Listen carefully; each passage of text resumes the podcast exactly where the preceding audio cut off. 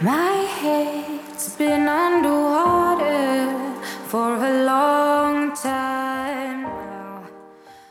Hej och varmt välkomna tillbaka till Progress Me's podd Ett steg i taget. Jag som pratar heter Cornelia och idag har vi också med oss Marika. Välkommen hit! Tack så mycket. Hur är läget med dig? Men det är ändå rätt bra, bortsett från att jag är trött då. Ja, ja, jag också. Jag känner mig så sjukt trött. Du sa det innan ju att eh, det kan, du, du skyller på att det kanske är för att dina hästar också är trötta. Ja men precis, alltså hästar och eh, de flesta djuren har väl en fällningsperiod nu tänker jag och de blir ju trötta av det så jag, jag tänker jag skyller på det. Jag, jag är också inne i en fällningsperiod, Ja. även om jag inte har päls. Precis, man fäller av sig eh, vinterlagret kanske. Exakt, det där tunga mörka. Precis. Ehm, men jag tänkte att idag så ska vi prata lite om dig yes. eh, och eh, ja, gå igenom lite om vad du har gått igenom och vem du är och, och, och så vidare. Mm. Och jag tänkte att eh, vi kör igång direkt med att du kanske kan berätta lite om dig själv och vem du är. Yes, eh, jag heter då Marika Yngvesson. Jag är 21 år gammal. Eh, just nu håller jag på att plugga till sjuksköterska. Mm. Och eh, det var någonting som jag bestämde mig för att göra när jag hade varit sjuk i anorexi. Och eh, ja, jag kom helt enkelt på att jag ville börja hjälpa andra tjejer och killar med samma skit som jag har gått igenom liksom. Så just nu går jag i andra terminen på sjuksköterskeprogrammet då i Mm. Varberg. Trivs super, super bra. Åh vad kul! Ja, så det är väl jag i ett nötskal. och precis som du då beskriver, du har gått igenom en ätstörning själv. mm. Vill du berätta lite kring det? När var det och hur mår du idag? Ehm, nej, men jag hamnade väl i en ätstörning under sommaren 2018 då. Ehm, och så gick det väl bara nerför som det gör med de flesta ätstörningarna tyvärr. Mm. Ehm, men sen så fick jag ju då hjälp och jag, jag ser ju mig som friskförklarad. Även om jag Mm. fortfarande har diagnosen kvar på pappret så ser ju ändå jag mig som att jag varit frisk i ja, men drygt ett år nu då. Mm. Eh, och jag tycker väl, det är så svårt det här med att kunna klassificera sig som frisk eller inte, för vissa menar att man inte kan bli frisk och andra menar att det går alldeles utmärkt att bli frisk. Jag känner att jag är så frisk som jag bara kan bli. Ja. Så att eh, visst, lite ätstörda tankar kan ju komma och gå, men det, slänger man ju bara bort. Ja. Jo men så är det ju. Alltså jag håller med dig helt där liksom att eh, vissa pratar om frisk och frisk, frisk kanske jag aldrig liksom kommer att bli. Nej. Eh, ätstörning sitter alltid i och, och så. Men jag håller inte riktigt med om just, just det, att man inte kan bli frisk för att jag är jättefrisk eh, idag till exempel. Jag har själv gått igenom en ätstörning Mm. eh, och jag har ett lika sunt eller ett lika liksom, ja men sunt förhållande till mat, träning och mig själv som mina kompisar eller folk som jag träffar runt omkring mig. Sen såklart finns det dagar då jag också liksom får upp hjärnspöken i huvudet och eh, liksom dagar då jag inte känner mig fin eller jag känner mig eh, otillräcklig och så vidare. Ja, men eh, exakt. Men jag tror att, att så känns det för alla oavsett om man har gått igenom en ätstörning eller går igenom en ätstörning eller inte. Ja, och just det här att i och med att vi har en ätstörning i bagaget så har ju ändå det påverkat oss på något sätt i livet. Så det vore konstigt om allting bara suddades ut. Men jag skulle aldrig vilja liksom påstå att jag har problematik med ätstörningen kvar eller någonting för att det jag, jag finner liksom inga problem i vardagen. Jag blir inte hindrad av någonting liksom. Det är ingen ätstörning som säger till mig vad jag ska göra och inte liksom. Sen Nej, är det som du säger, man kan typ stå i spegeln och bara fan idag känner jag mig inte fin liksom. Men det, det är nog lite mänskligt ändå. Tragiskt men det, så är det nog för väldigt många. Ja, jo men det, det vet jag. Jag känner liksom person, personer i min eh, omgivning som har världens bästa självförtroende och liksom väldigt ofta känner att de är skitsnygga och liksom är väldigt så, men gud vad jag är snygg idag liksom och det tycker jag är skithärligt att de, att de känner och att de tycker för så är det ju liksom. Mm. Eh, Men även de har dagar som, som det kan gå ner liksom lite. Jo men likväl som de har dagar som de kan känna att ja, men de känner sig inte så bekväma med sig själv. Alltså jag kan ju också ha dagar där jag bara känner så här, fy fan vad jag är snygg. Alltså helvete vad snygg jag är. Alltså Ja. jag kan ju också känna så liksom. Det pendlar ju. Ja, ja men precis, alltså ibland har man ju bara det glowet och det eh, liksom den utstrålningen och bara känner i sig själv bara ah, jag är så glad nu för jag känner mig så jävla peppad och snygg och det behöver inte ens egentligen vara kopplat till att man har en bra typ eh, kläddag eller bra hårdag eller så utan det kan vara att man bara känner den här positiviteten och det kanske har hänt något skitbra vilket resulterar i att man automatiskt också känner sig så jäkla snygg. Ja, gud ja. Typ om man har varit med om, eh, ja men man kanske har klarat av eh, en eh, uppsats eller man har liksom fått drömjobbet eller man har eh, ja, ja, men någon, tagit sig igenom någonting eller klarat av något och så bara känner man liksom power och bara go, go, go. Ja. Men vad var anledningen till att du utvecklade en ätstörning? Finns det någon sån liksom bakgrunden kring det? Alltså jag vet inte om det finns någon egentligen uttalad bakgrund till det. Alltså jag har ju lite diagnoser och sånt, bland annat autism och, eh, Ja. eller atypisk autism. Ehm, Mm. Och det sägs ju att det finns kopplingar mellan just autismspektrumet och ätstörningar liksom. Mm. Men eh, jag tror, alltså egentligen, alltså vad ska man säga det? För folk runt omkring har ju sagt så här, men du hade ju allting, du var ju lycklig och sånt och det, det är lätt att säga när man ser på det utifrån, men jag tror det är mycket pusselbitar från barndomen och just under den Mm. perioden som jag utvecklade den här ätstörningen så var jag jättevilse liksom. Jag hade, ja men jag hade fått gå om ett år på gymnasiet för jag hade Mm. haft en depression liksom och Okej. Ja, det var väldigt mycket kaos. Jag visste ju inte vad jag skulle göra sen efter gymnasiet. Då visste jag inte att jag ville Nej. bli sjuksköterska liksom. Så, Precis. Nej jag vet inte, det var bara en allmän vilsenhet och ja, Mm. tyckte inte om mig själv liksom. Nej. Men så kan det ju, så kan det ju tyvärr bli liksom att man, precis som du säger, om man känner sig vilsen och man vet inte riktigt något och så börjar man tycka mer, mer och mer illa om sig själv och så går det bara ut för. Ja, och också så här, Mm. jag tror inte det är så himla ovanligt att det blir typ, om man är omklädningsrum på skolan och sånt, att man jämför sig med andra och alltså redan det har jag ju haft med mig liksom sedan skoltiden att ja, men, man jämför sig och fan jag ser lite större ut än hon och också det här liksom, vi hade ju idrottslektioner när man skulle ställa sig på vågen för att göra massa tester och sån skit, alltså helt idiotiskt egentligen men Ja. det är klart att då jämför man sig med att så här, oj men jag vägde mycket mer än hon och alltså sådana där saker liksom. Precis. Så att det klumpar ihop sig till, eh, till ett liksom. Mm. Mm. Men eh, precis som du sa eh, så har du också autism. Atypisk autism. Atypisk, okej vill du förklara lite kring det? För jag vet, känner inte igen det själv. Ja men det är knappt så jag vet heller. Men eh, det, det är att jag är liksom, att själva diagnosen är högfungerande, att jag fungerar ändå trots mina problem ganska väl Mm. liksom. Mm. Ehm, mm, alltså det, det är så stora variationer i just autismspektrat för att alltså en del personer med autism kanske inte ens kan uttrycka sig verbalt och sådär. Eh, Mm. Jag har ju ändå möjligheten till att kunna prata och sådär, utan mina, liksom, mina symptom kan väl upplevas utifrån som ganska diffusa. Många är ju Mm. liksom ifrågasatt såhär, men du kan ju inte ha autism, alltså du är ju, du är ju normal. Nej men alltså sådär. Ehm, så ja, nej men det, det är väl en lite mildare variant av själva autismdiagnosen.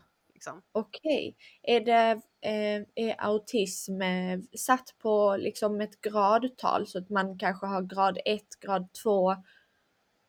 Alltså Eller- jag, jag vet inte helt ärligt. Alltså jag ska nog inte uttala Nej. mig så mycket om det. Jag vet ju, alltså i autismspektrat så finns det ju liksom ja, men Asperger och autistiska drag och alltså det finns så mycket olika så jag, jag vet inte om det finns att man delar in det i olika kategorier eller steg liksom eller vad Mm. sådär. Jag vet, jag vet bara att jag har liksom en autismdiagnos och att jag klassificeras som högfungerande.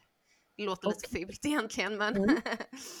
Eh, skulle, det, skulle du kunna säga något som du känner gör det som känns liksom negativt med att du har autism? Till exempel att du lättare kanske får negativa tankar eller att eh, du kanske blir mer orolig kring saker eller finns det något som du liksom ser på din autism att det är jobbigt? Ja, men min eh, största så här skräck eller vad man ska säga, det är ju i oväntade situationer, alltså där jag Mm. liksom helt plötsligt förväntas vara social och jag inte är förberedd på det liksom. Okej. Eh, jag brukar ta exemplet att när jag är ute på ja, men stan, kanske ska dra och handla eller någonting och så möter jag någon gammal klasskompis liksom. Och då Mm. vet inte jag om jag förväntas säga hej eller liksom eller om jag bara ska stirra ner i asfalten och gå vidare och låtsas som att jag inte sett personen och så Alltså kanske man möter blicken med den här personen och så blir man så här, men shit, ska, ska jag säga hej och när ska jag säga hej? Nu är det liksom 10 Mm. meter emellan oss. Ska jag säga hej nu? Ska jag säga hej glatt? Eller ska jag liksom säga hej Mm. och titta ner i marken? Eller ska jag bara vända mig? Alltså det, det är så mycket, för jag vet inte vad som är rätt och fel i den situationen. Och jag tror Okej. att andra liksom bara, men det, det är ju bara att gå fram, säg hej och fråga hur livet är för den personen och gud vad kul Mm. att träffa. Medan jag får, jag får ju panik liksom. Vad, vad ska Ja. jag, hur ska jag ta mig ur det här? Typ? Okej, och det är eh, den största liksom som känns lite jobbigt för dig kopplat till din autism. Att du tycker det är lite ja, men läskigt och kanske inte riktigt kan hantera situationer som är plötsliga för dig. Exakt. Det är Mm. dels det här med det sociala men också när det kommer saker utan förvarning liksom. Om någon Mm. hade sagt det till mig en halvtimme innan att så här, ja men du kommer träffa en gammal klasskompis, alltså då kan jag ju gå och typ förbereda samtalsämnen eller frågor eller så liksom. Ja.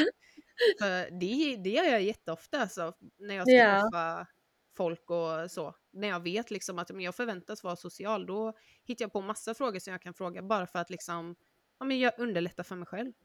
Ja, äh, jag känner dock igen mig där för jag kan bli så här, nej, men att jag jag är väl lite av, eh, jag har lite kontrollbehov av att det inte ska bli stelt. Eller Ja. att jag, jag liksom lägger den bollen på mig själv att eh, om det blir stelt så måste jag ha något nytt att fråga om Ja i exakt. sociala sammanhang. Så Ja. jag liksom förbereder så här, ja okej, vad har nu den personen, eh, vad händer nu i den personens liv just nu och sånt så att jag kan komma på frågor kopplat kring det så att jag vet i förväg vad jag ska fråga om det blir typ tyst eller något sånt. Ja men man blir alltså typ som en sån, eh, vad heter det, på tidningen som intervjuar. Ja, en, eh, en eh, intervjuare liksom, alltså Ja. en eh, journalist. Ja exakt, man blir som en journalist, man gör så här research och grejer. Ja. Typ. Alltså det, ja, verkligen. Ja. Och sen, sen har jag också, precis som du också beskriver det, sen har jag inte autism, men eh, plötsliga händelser för mig när jag till exempel går på stan och det kanske kommer upp en gammal klasskompis och det är en väldigt plö- plötslig händelse för mig, då blir jag jättegenerad. Eh, och det är typ det jobbigaste som, som finns. Jag försöker liksom hantera det och inte eh, bli det och jag har det har blivit bättre med åren och jag kan mer och mer öva bort att inte liksom ja, men bli generad om någon liksom plötsligt kommer. Men jag blir tyvärr det och jag tycker det är jätte, jättejobbigt. Ja. Eh, och jag vet att jag inte är ensam om det, men det känns ju som att jag är liksom ensam om det i världen och att då känner jag mig jättehemsk och jag tycker det är så pinsamt att jag liksom blev eh, jätteröd i hela huvudet för att jag träffade en gammal kompis liksom när det inte egentligen var någon fara alls med det. Men Nej. man har ju olika sätt att reagera på. ja men precis.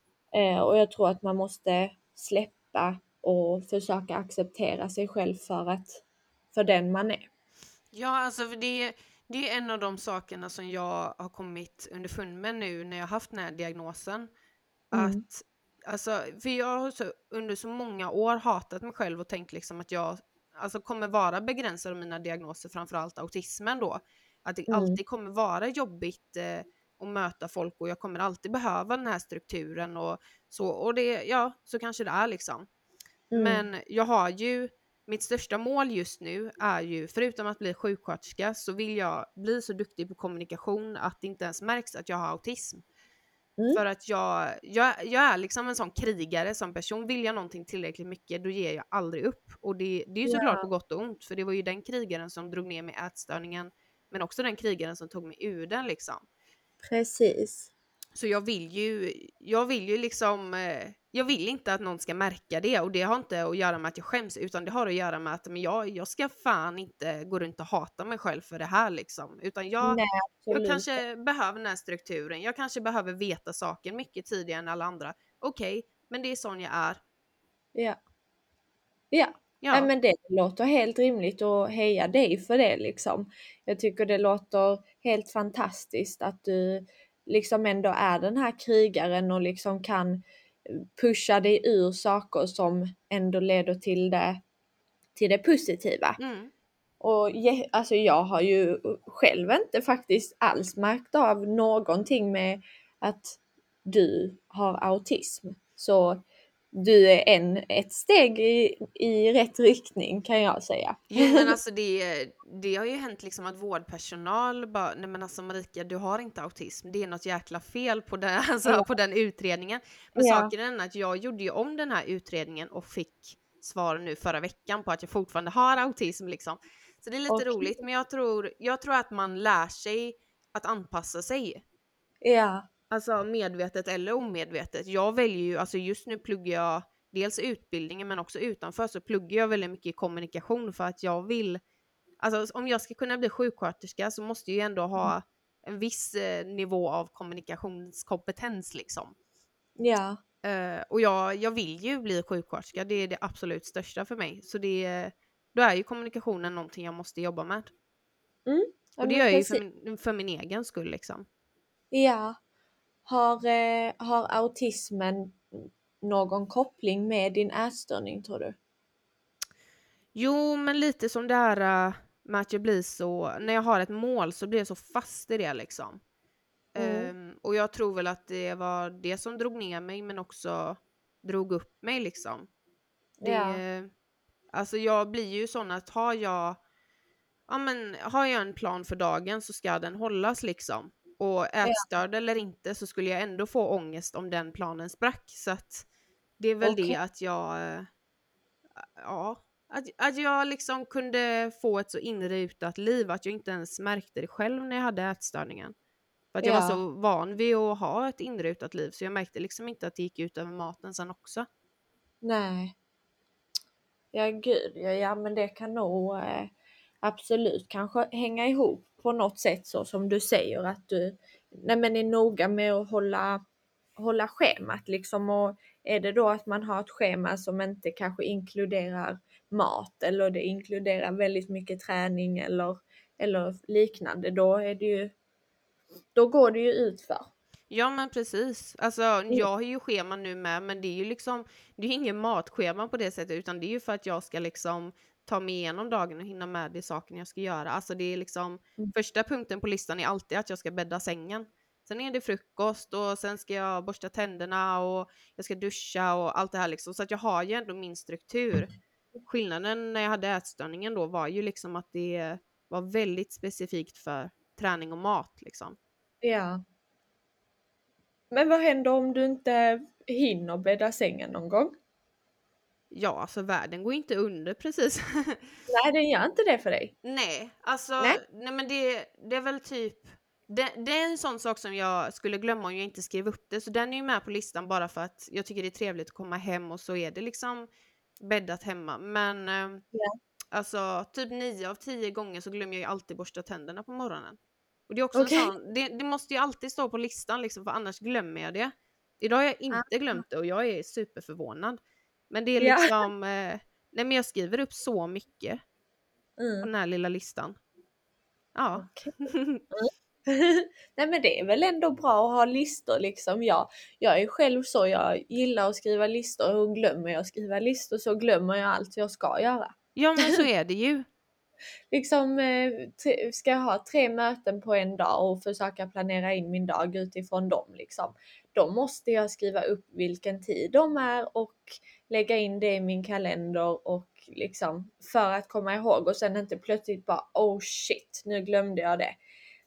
Det Ja. var som nu häromdagen så blev jag kallad till, eh, eller häromdagen blev jag inte, men för några veckor sedan blev jag kallad till sån här cell, cellprovtagning för jag har fyllt 23. Ja. Eh, och så skulle jag gå, eh, så skulle jag gå på den och då visste jag att det var den 16. Men jag visste inte vilken tid. Nej. Och sen när klockan är typ ja, men tre på eftermiddagen så kommer jag på bara oh shit, var det inte något, något mer som skulle hända den 16? Och så kollar jag i min så här datormapp eh, eller datorfodral för där hade jag det pappret liggandes. Ja. Och så bara stod det 14.30. Ah, fan. Och jag bara nej, nej, nej, nej. Så jag fick boka om tiden så nu har jag fått skriva in det istället. ja. Så jag inte missar det igen. Nej men alltså, nej men det, när det är sådana lite, vad ska man säga, större saker som alltså man har bokat någonting med någon eller ja, någonting eh, där man ska interagera med någon annan så att någon annan blir drabbad om man missar. Alltså då kan jag ju få väldigt mycket stress över det. Eller typ om man missar bussen. Alltså det, Nej. Alltså, jag, det är ju verkligen min autism i ett nötskal att Mm. Eh, när jag åkte buss till skolan och jag missade bussen, alltså det, hela min dag raserade. Jag liksom, jag la mig på marken, alltså vid busshållplatsen och bara grät och grät och grät och grät och grät och grät. Och sen liksom, jag, det fanns inte i min värld att säga men det är bara att vänta på nästa buss eller men ring någon, alltså du kanske kan få skjuts av någon eller sådär. Nej, alltså det gick inte. Jag bara la Ja. mig ner på marken, grät och gick hem igen. Alltså, Åh. Ja. Ja.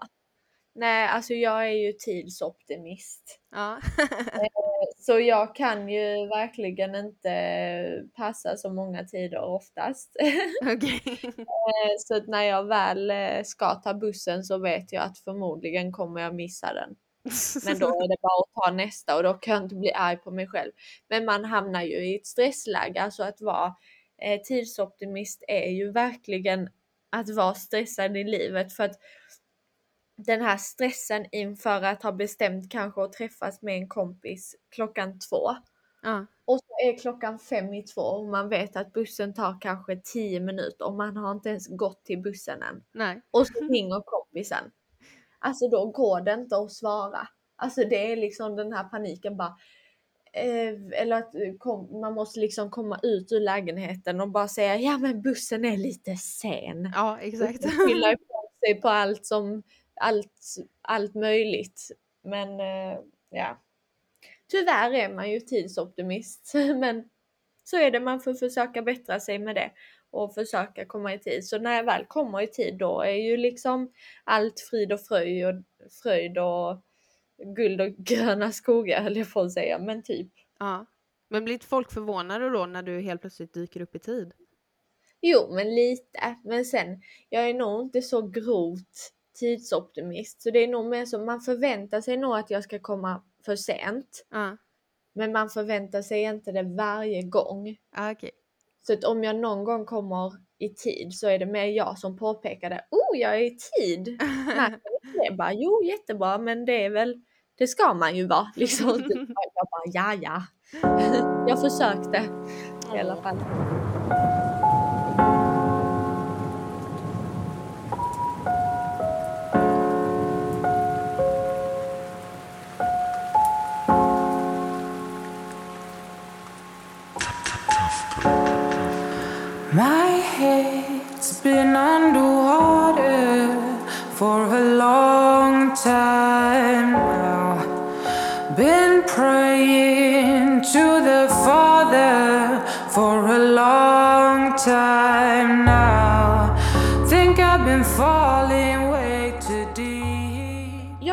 Vi skulle prata om en grej till som jag vet att du också gärna vill ta upp och prata lite kring och det är recovery-konton. Yes.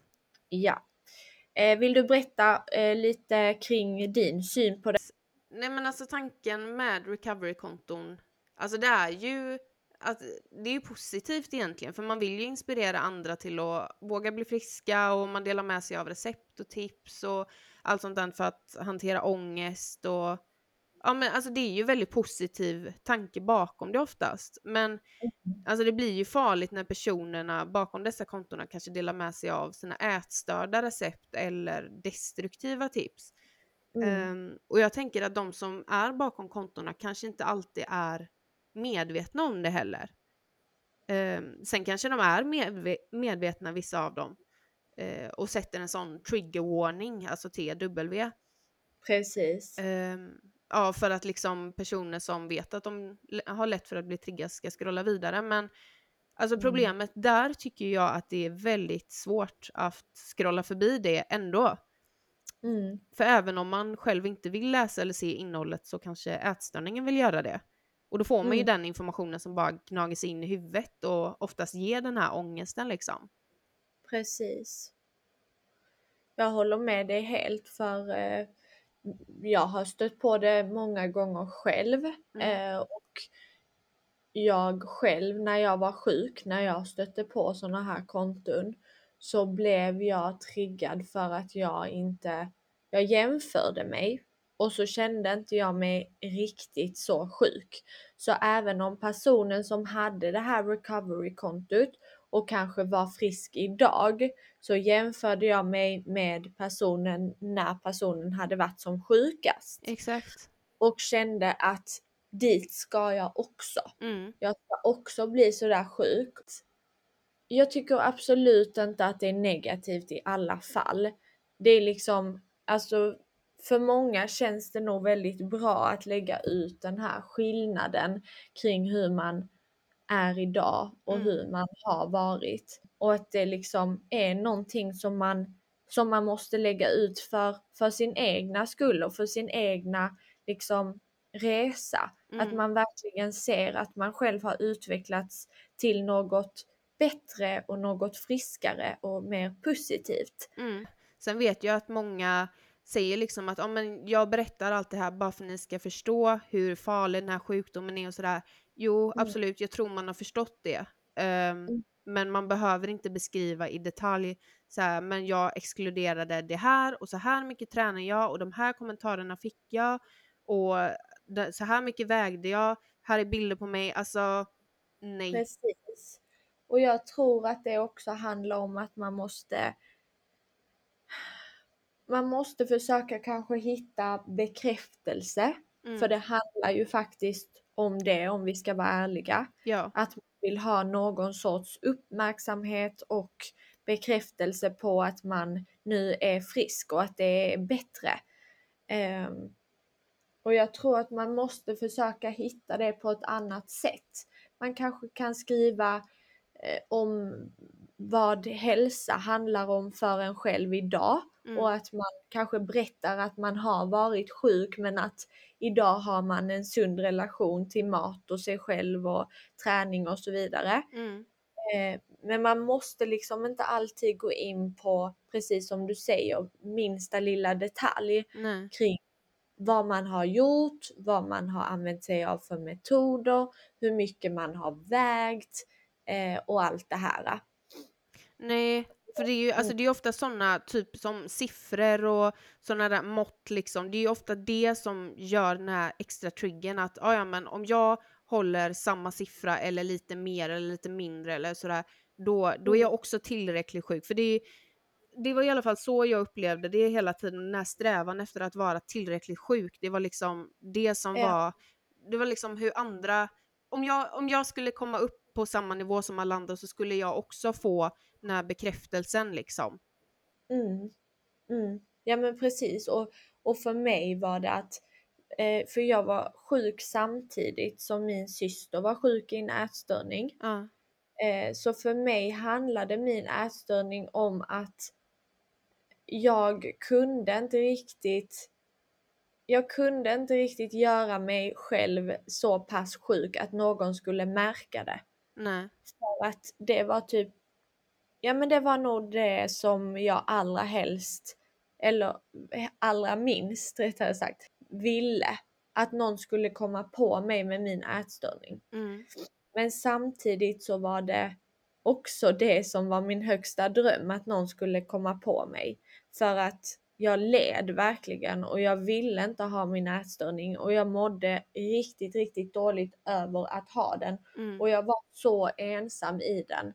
Och jag var liksom, nej men jag hade verkligen ingen att prata med den om och hur jag mådde och hur jag såg på mig själv och min relation till mat och hur jag liksom, min relation till träning och allt det här. Mm. Ehm, Ja, men jag Ja. relaterar så mycket till det, för jag kände exakt samma. Alltså, någon kunde ju fråga sig, ah, men hur mår du och sånt och det naturliga var ju bara att klistra på ett leende och säga ja, jag mår bra. Egentligen så ville man ju bara skrika rätt ut liksom att jag mår åt helvete, jag behöver hjälp.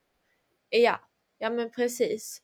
Det var, ju, alltså det var ju till slut det jag gjorde. Jag önskar att jag hade orkat göra det tidigare liksom. För att Ja. även om folk förstod så vågade jag inte erkänna för att man, man, blir ju så fast i sjukdomen liksom. Jo men så är det ju, tyvärr. Ja. Och, och sen om vi går tillbaka då till det här med trigger warning och recovery-konton Mm. så finns det ju också flera olika sätt på, alltså olika sorts konton som gör olika sorters sådana här recovery-konton. Det finns ju både de som ja, men lägger ut väldigt, eh, väldigt mycket men till exempel bilder på sig själva. Hur de har sett ut jämfört med hur de ser ut idag. Mm. Och att de mår mycket bättre idag när de är friska. Mm. Sen finns det ju de som lägger ut bara eh, bilder på mat. Mm.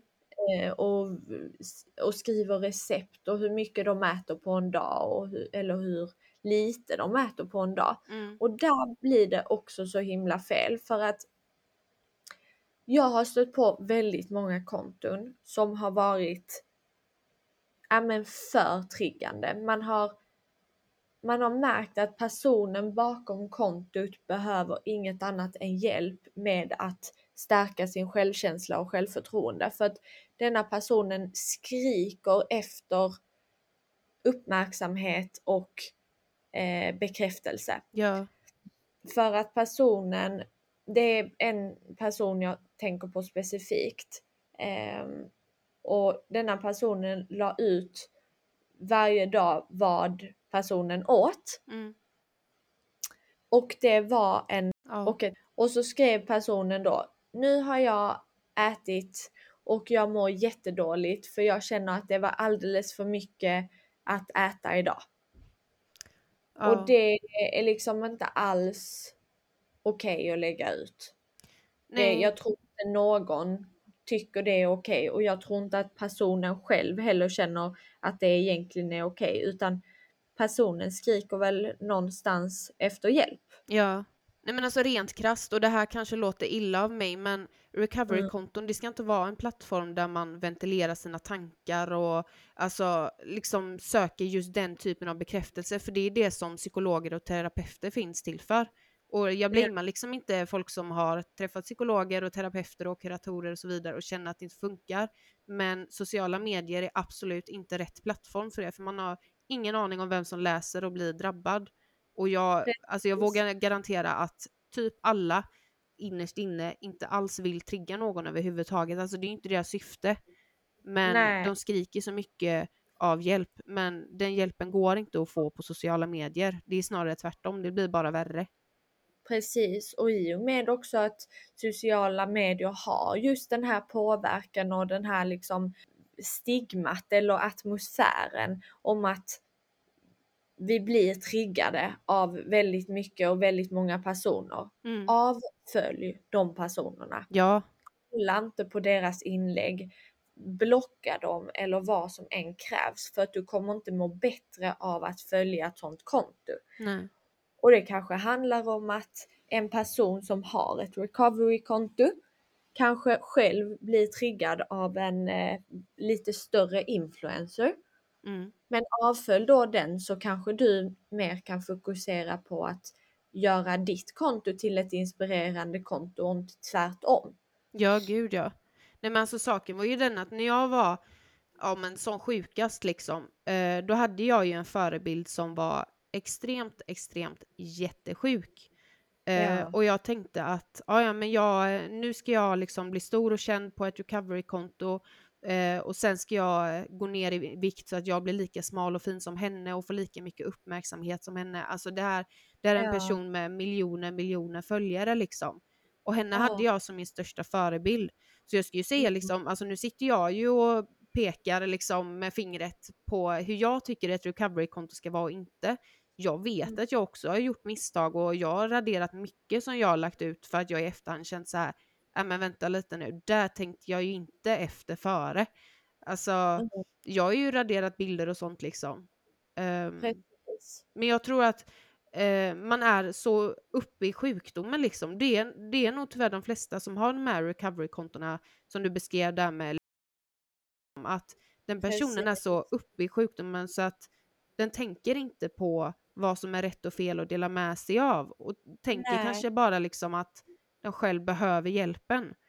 Så att Mm. jag, jag tycker liksom absolut inte på något sätt illa om personer som, vad ska man säga, har de här kontona och så vidare.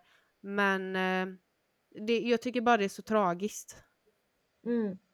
Att det finns liksom andra sätt som man kan bli frisk på och andra sätt som man kanske kan försöka eh, ja, ja men dela med sig av, eh, ja men om man behöver dela med sig av vad man äter varje dag, då kanske man ska ha en, ja jag vet inte men Nej men alltså jag, jag träffade jag gick ju dagvård och då träffade Ja. jag ja, men väldigt fina vänner. Alltså majoriteten av de vännerna jag har är ju från dagvården så det är ju bara härligt det. Ja. Ping ping, alltså dagvården är världens bästa, jag lovar. Men i alla fall, då, eh, då var det liksom en sån grej att ja, men vi, vi liksom skickade en bild till ja, men våra föräldrar och sånt vid måltiderna och så kunde föräldern skicka tillbaka en bild på vad den, alltså så att det blev liksom en bekräftelse att ja men titta här mamma, jag äter det här idag, vad äter du? Alltså liksom, det blev Ja. lite mer den formen istället för att man lägger ut och ska liksom få kommentarer att ja, men det där är för lite, det där är för mycket, varför äter du det där? Alltså, jag behövde inte skämmas Precis. liksom för min mamma, vad hon skulle tycka om det som låg på min tallrik. Så länge det var Nej. liksom, så länge det var tillräckligt med energi och näring i maten så brydde sig inte hon liksom. Mm. För där är, tar man ju också en risk. Eh, till exempel om man startar ett konto och så lägger man ut, eh, ja men kanske på vad man äter då. Mm. Då tar man ju en risk i att det kanske finns någon som kommer, kommer kommentera att oj det där åt inte alls jag, så då kanske man själv också kommer bli triggad Mm. av att andra personer bara oj det där såg inte så gott ut eller eh, det finns ju alltid personer som kanske inte skriver så trevliga kommentarer Ja, och det får man ju också kanske vara med om i så fall och det är ju inte alltid så bra för då själv kanske man går igenom att man blir triggad. Ja, nej men det krävs ju ett ganska enormt självförtroende att om man är liksom i början av recovery eller sådär, att våga visa upp att om jag äter det här, jag går emot min ätstörning liksom, det här är lugnt. För att jag tror risken är att man annars börjar tänka på, som du säger, vad folk skulle anse om det som ligger på tallriken och vad tänker alla som ser den här bilden liksom. Ja men precis. Och det är också så hemskt, alltså just det här med när det blir liksom så mycket fokus på, på mat eh, och vad man får och inte får äta. Ja men alltså det är ju det som, alltså ätstörningen blir, alltså det blir ju som en jävla häxa som bara pekar med alla fingrar och allt vad Mm. man får äta på och inte och så här ska du göra, så här ska du inte göra. Alltså, Mm. och så tror man ju hela tiden liksom att "Ah, ja men bara jag gör det som ätstörningen vill att jag ska göra så kommer jag må jättebra till slut. Men ätstörningen blir ju fan aldrig nöjd. Alltså den nöjer sig inte förrän man ligger liksom död två meter under marken.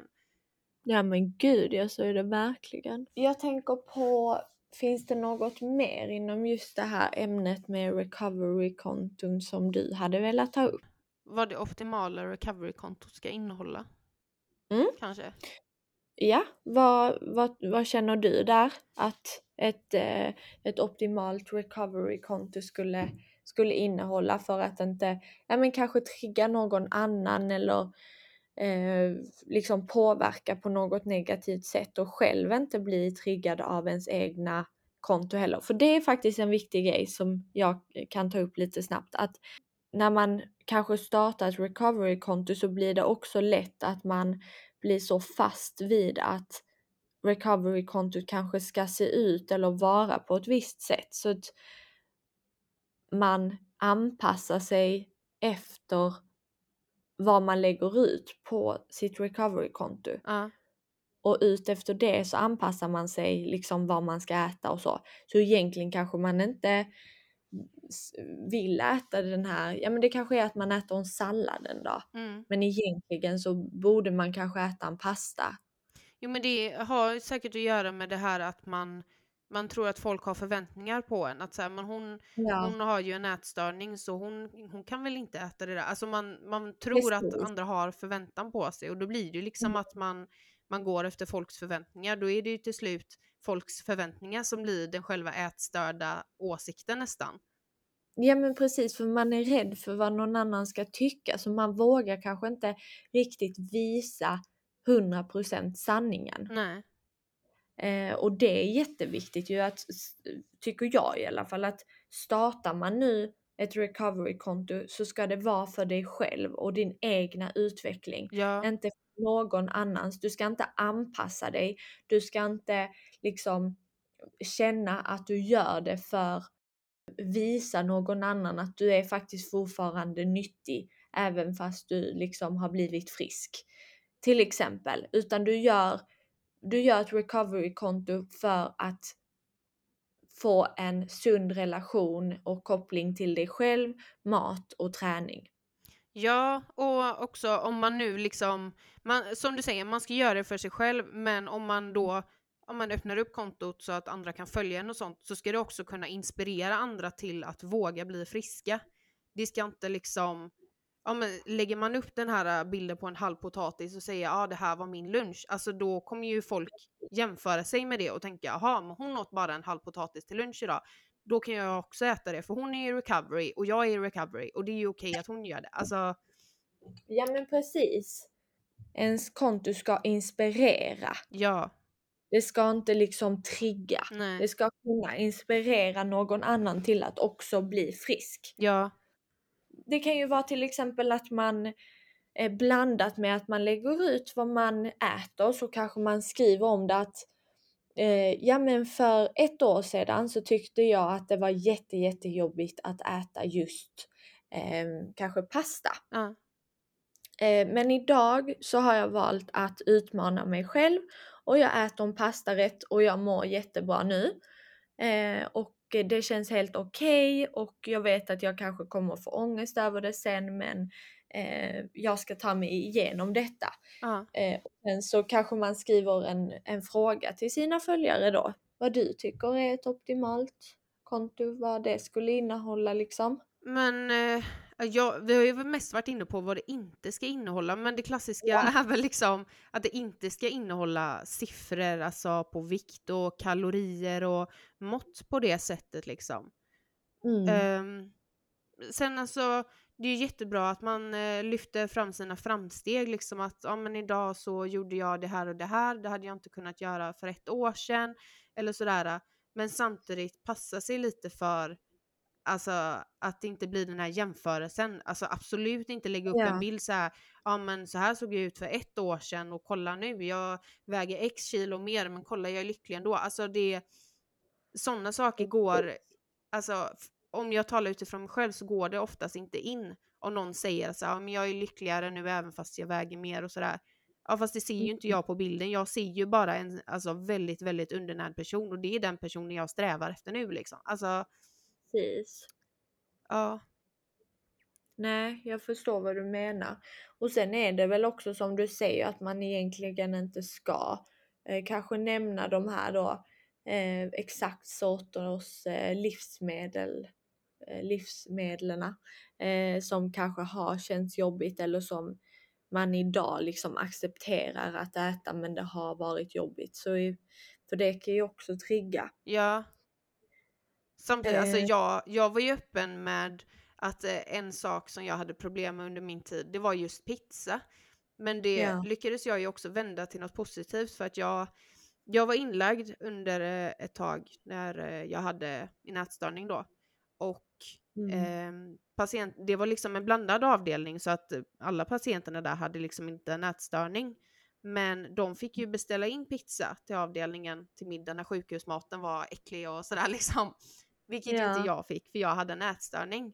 Och då, Mm. då tog Marika sig ton och gick till läkaren och höll ett argumenterande tal om att hon minsann visst skulle få äta pizza. Och då blev Ja. liksom pizzan något positivt för mig för det var ju någonting jag strävade efter liksom. Eh, Ja. Då blev det inget att så här, åh nej men nu ska jag äta pizza och hur ska det gå? Alltså nej nej nej. Jag var så jävla taggad på den pizza. Alltså pizza har aldrig Mm. smakat bättre än den gången jag fick in pizza på avdelningen liksom. Alltså, Mm. och då, jag har ändå varit öppen på mina sociala kanaler om den här pizzagrejen. Alltså det har blivit en ganska stor grej. Folk Ja. har uppskattat det här liksom när jag Ja. eh, gick in och höll det här talet. Så jag är medveten Mm. om att jag själv har alltså, gått ut med att ja, men jag, jag hade lite svårt för pizza då under den tiden och sådär. Ehm, Mm. Och det, det kanske är något jag själv borde tänka på liksom att det är ju faktiskt ett livsmedel som jag har angett som jag Mm. ja, inte åt Fast varje dag liksom. Ja, nej men sen samtidigt så, alltså det tror jag är ganska så viktigt just när, när omgivningen vet om att du lider av en ätstörning Ja, så blir man oftast också till slut accepterad om att utesluta det. ja, Till exempel om vi säger att när jag var sjuk, eh, detta är bara ett exempel, Mm. så kanske jag inte åt eh, pasta och så åt jag inte eh, pizza och så åt jag inte pannkakor. Vi säger just de tre Mm. grejerna. Så varje gång det var eh, pannkaksmiddag eller folk skulle laga pannkakor så serverade de mig något annat. ja. För jag åt ju inte pannkakor. Nej, nej men då, Det, blir, det blir också så fel för då blir det verkligen som att okej, de har accepterat att jag inte äter pannkakor. Då behöver jag heller inte göra det. nej. Och nu blir jag serverad något annat och då får jag helt enkelt inte äta pannkakor. Fast att man kanske just den dagen känner att man ska gå emot sig själv. Att bara, jo men nu idag serveras det pannkakor. Ja. Nej men jag, jag har också ett sånt klassiskt exempel. Jag var Mm. på permission och Mm. så ja, hade blivit bortbjuden tillsammans med min mamma hos eh, ja, men ett par vänner till familjen liksom.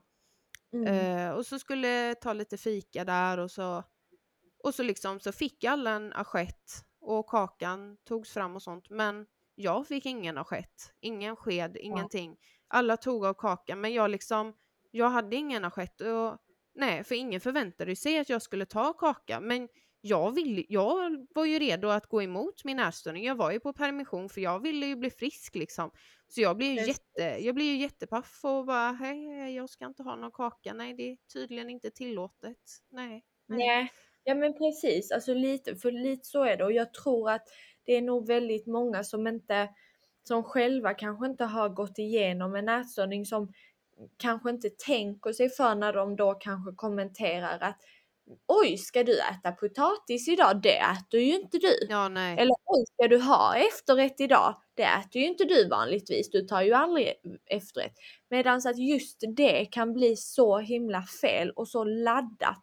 För att just då kanske personen har bestämt att gå emot sig själv och sin ätstörning. Och så får man den kommentaren. Och så liksom bara rasar allt och Ja. bara känner nej, det är tydligen inte tillåtet för mig att äta det här som de andra vanligtvis.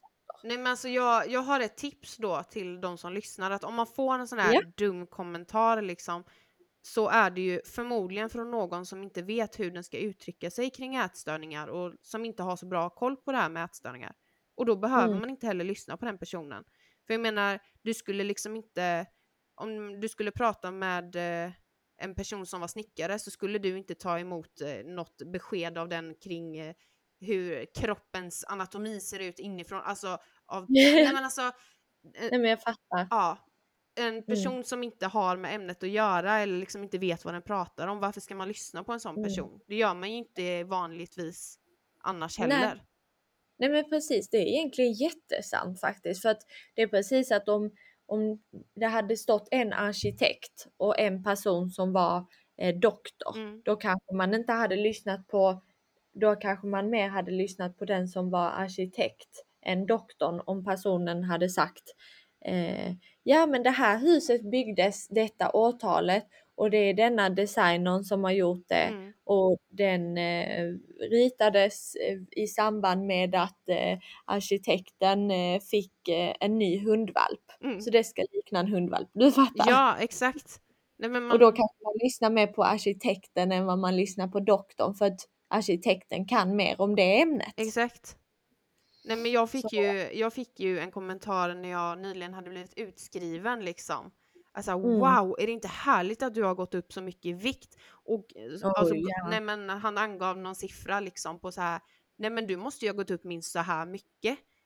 Och jag, Oj. ja, ja oj, verkligen Ja. oj. Men då, då liksom, jag blir ju först och främst jättepaff, men också så bara Mm. okej, ska jag ta åt mig av det här nu?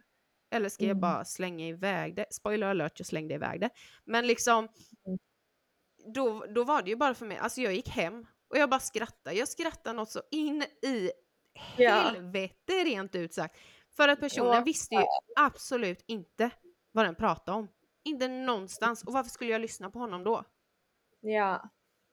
Men jag tror också, sen är det också alltså mycket äldre personer som inte riktigt kanske vet hur man förhåller sig till det här utan de egentligen man får också försöka att personerna menar ju inget ont med det men jag har fått, eller jag och min syster har fått kommentarer liksom från släktingar och så bara Åh vad skönt att se att du är frisk igen. Och så liksom så ett halvår innan har man liksom fått så. Nej men sluta nu får du inte bli smalare eller Mm. alltså typ sånt. Så att det blir så fel för en för då känner man liksom att personen plötsligt tycker precis det som man själv tycker är jobbigt. För man är ju jätterädd för att gå upp i vikt och man är ju jätterädd för liksom kroppsförändringar och ens sätt att äta och, och, och allt det här liksom. Och, och att då få kommentarer kring det, det är ju egentligen inte direkt så stärkande. Nej. Men vad starkt av dig att du kunde liksom skratta åt det och ta det på det sättet. Det är jättehäftigt tycker jag. Ja men alltså det, det var ju min enda utväg. Skulle jag börja lyssna på det Ja. så skulle jag ju liksom, jag skulle ju gå ner mig igen. Jag, alltså, jag kunde ju tagit Precis. åt mig och blivit jätte, jätteledsen liksom. Ja, Men eh, nej, det, det, där var det ju liksom bara 100% okunskap och jag bara kände det här, nej, det här ska inte Mm. lyssnas på. Och liksom nu kan jag ju sitta och skratta åt det och ta upp detta som ett exempel liksom. Alltså det, det är ju så roligt egentligen. for a long time now. Think I've tried to set me free for a long time now.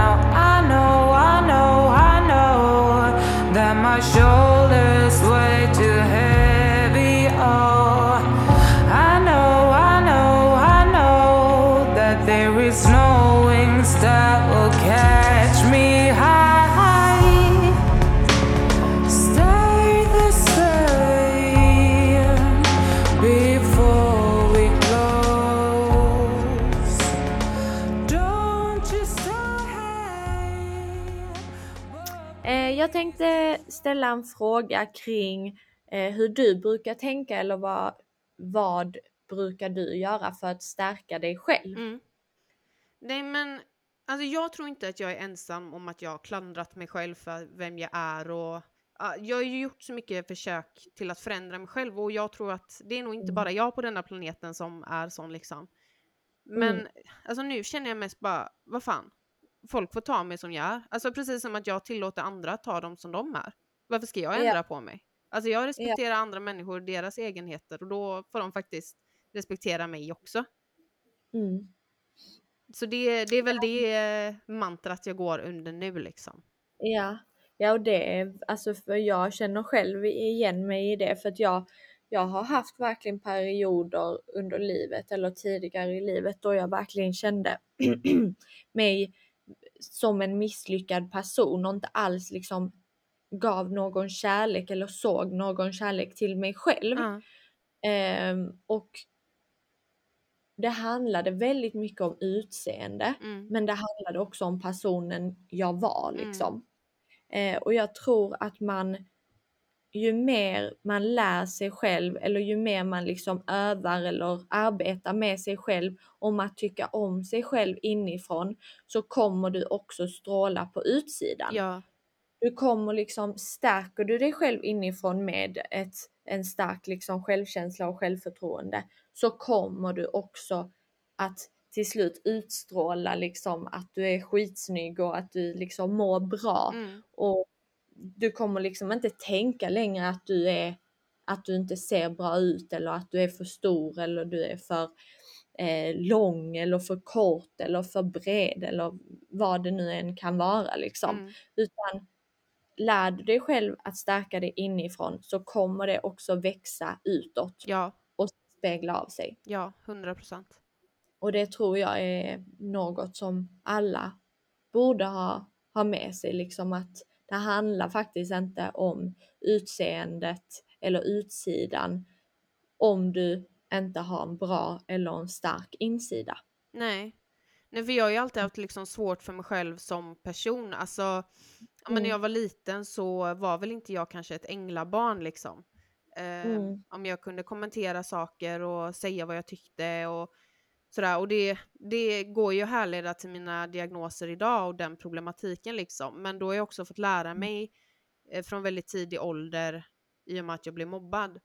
ehm, Ja. att så här, men folk uppskattar inte mig för den personen jag är och det, det jag Mm. säger det är liksom inte okej och mina åsikter får inte räknas och jag alltså jag vill verkligen slå ett slag för personer som ja, men kanske upplever mobbing eller upplever den här känslan av att ja, men jag är inte okej. Alltså varför inte? Varför skulle inte du vara okej? Alltså Mm. på riktigt, nej men alltså nej. Ja, ja men precis, det är också jätteviktigt att, att lyfta och prata om, alltså just kring mobbing, mobbning, att det är eh, också något fruktansvärt både för personen själv och eh, de personerna som mobbar liksom, att det är inte alls okej någonstans faktiskt. Nej. Nej, så att liksom upplever man det så Nej, alltså det, för det första så är det inte okej någonstans liksom att utsättas för det. Nej. Men alltså man, blir man blir ju så totalt nedbruten av att bli illa behandlad och bli utsatt för mobbning liksom. Mm. Det gäller bara att vara sin bästa vän. För att alltså det, det är såklart, det är jättelätt för mig att sitta här i en soffa i mammas hem och säga ja men det är liksom bara, ja men klappa dig själv på axeln, var din bästa vän. För jag, Ja. jag vet att det är jättesvårt när liksom hela, det känns som hela omvärlden intalar en att man är allt annat än en bra människa. Men liksom, Mm. Man kommer aldrig att må bättre av att hata på sig själv. Liksom, nej Ja. men nu, nu måste jag göra så här för annars är jag inte bra nog. Alltså, du kommer Mm. aldrig lära dig att älska dig själv på det sättet genom att pressa dig själv och kommendera dig själv till att göra saker. Jag tänkte avsluta med att fråga lite kring hur du mår idag. Om det finns något speciellt som gör dig glad idag? Eh, jo men just nu känns allting väldigt, väldigt härligt. Ja. nej, Vad men, bra, vad kul att höra. Ja, nej men alltså det går bra med plugget och jag, jag ska snart ut på min första praktik. Oh, Ja, det är så spännande. Nej, men alltså, det Ja. känns ju som att jag nyss satt i typ sjukhussängen och grät över min anorexi liksom och nu sitter jag här. Ja. Alltså, Ja. det är ju häftigt. ja men verkligen, det låter jättehäftigt och inspirerande verkligen. Ja, men jag hoppas att jag, att jag ska kunna inspirera andra med det jag håller på med nu liksom. Mm. Ehm, ja, och sen så, eh, jag har ju haft häst innan då, så sålde jag henne för ett år sedan, min egna ponny då.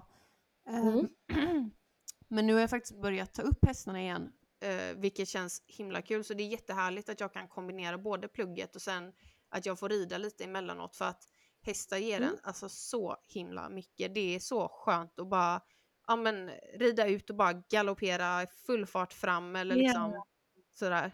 Ja, men skoj, jag pratade faktiskt med min mamma senast idag om det för jag, eh, jag har två tjejkompisar och de har en eh, gård Ja. som, och så har de, jag tror de har sex hästar där nu. Mm.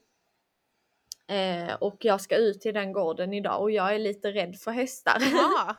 Eh, för att jag, nej men när jag var liten så red jag. Mm. För att min mamma ville att jag skulle rida men sen blev jag lite ärrad Åh. Eh, av det. För att jag, nej men jag tycker det är stora djur som man ska ha respekt för liksom. Eh, så det är kanske inte min högsta dröm att sätta mig på, på sadeln liksom.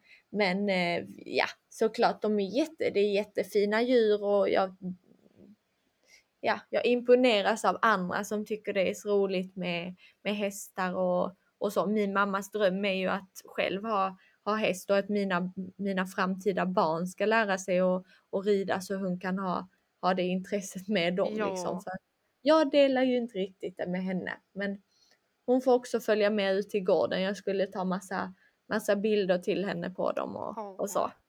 Du får, du får se till att njuta ändå. Alltså det, jag Ja, vet inte det- om det är det är fint såklart. väder där du sitter men eh, det, Jo men helt okej. Ja, nej för här, alltså jag, ja direkt efter detta nu så ska jag dra till stallet.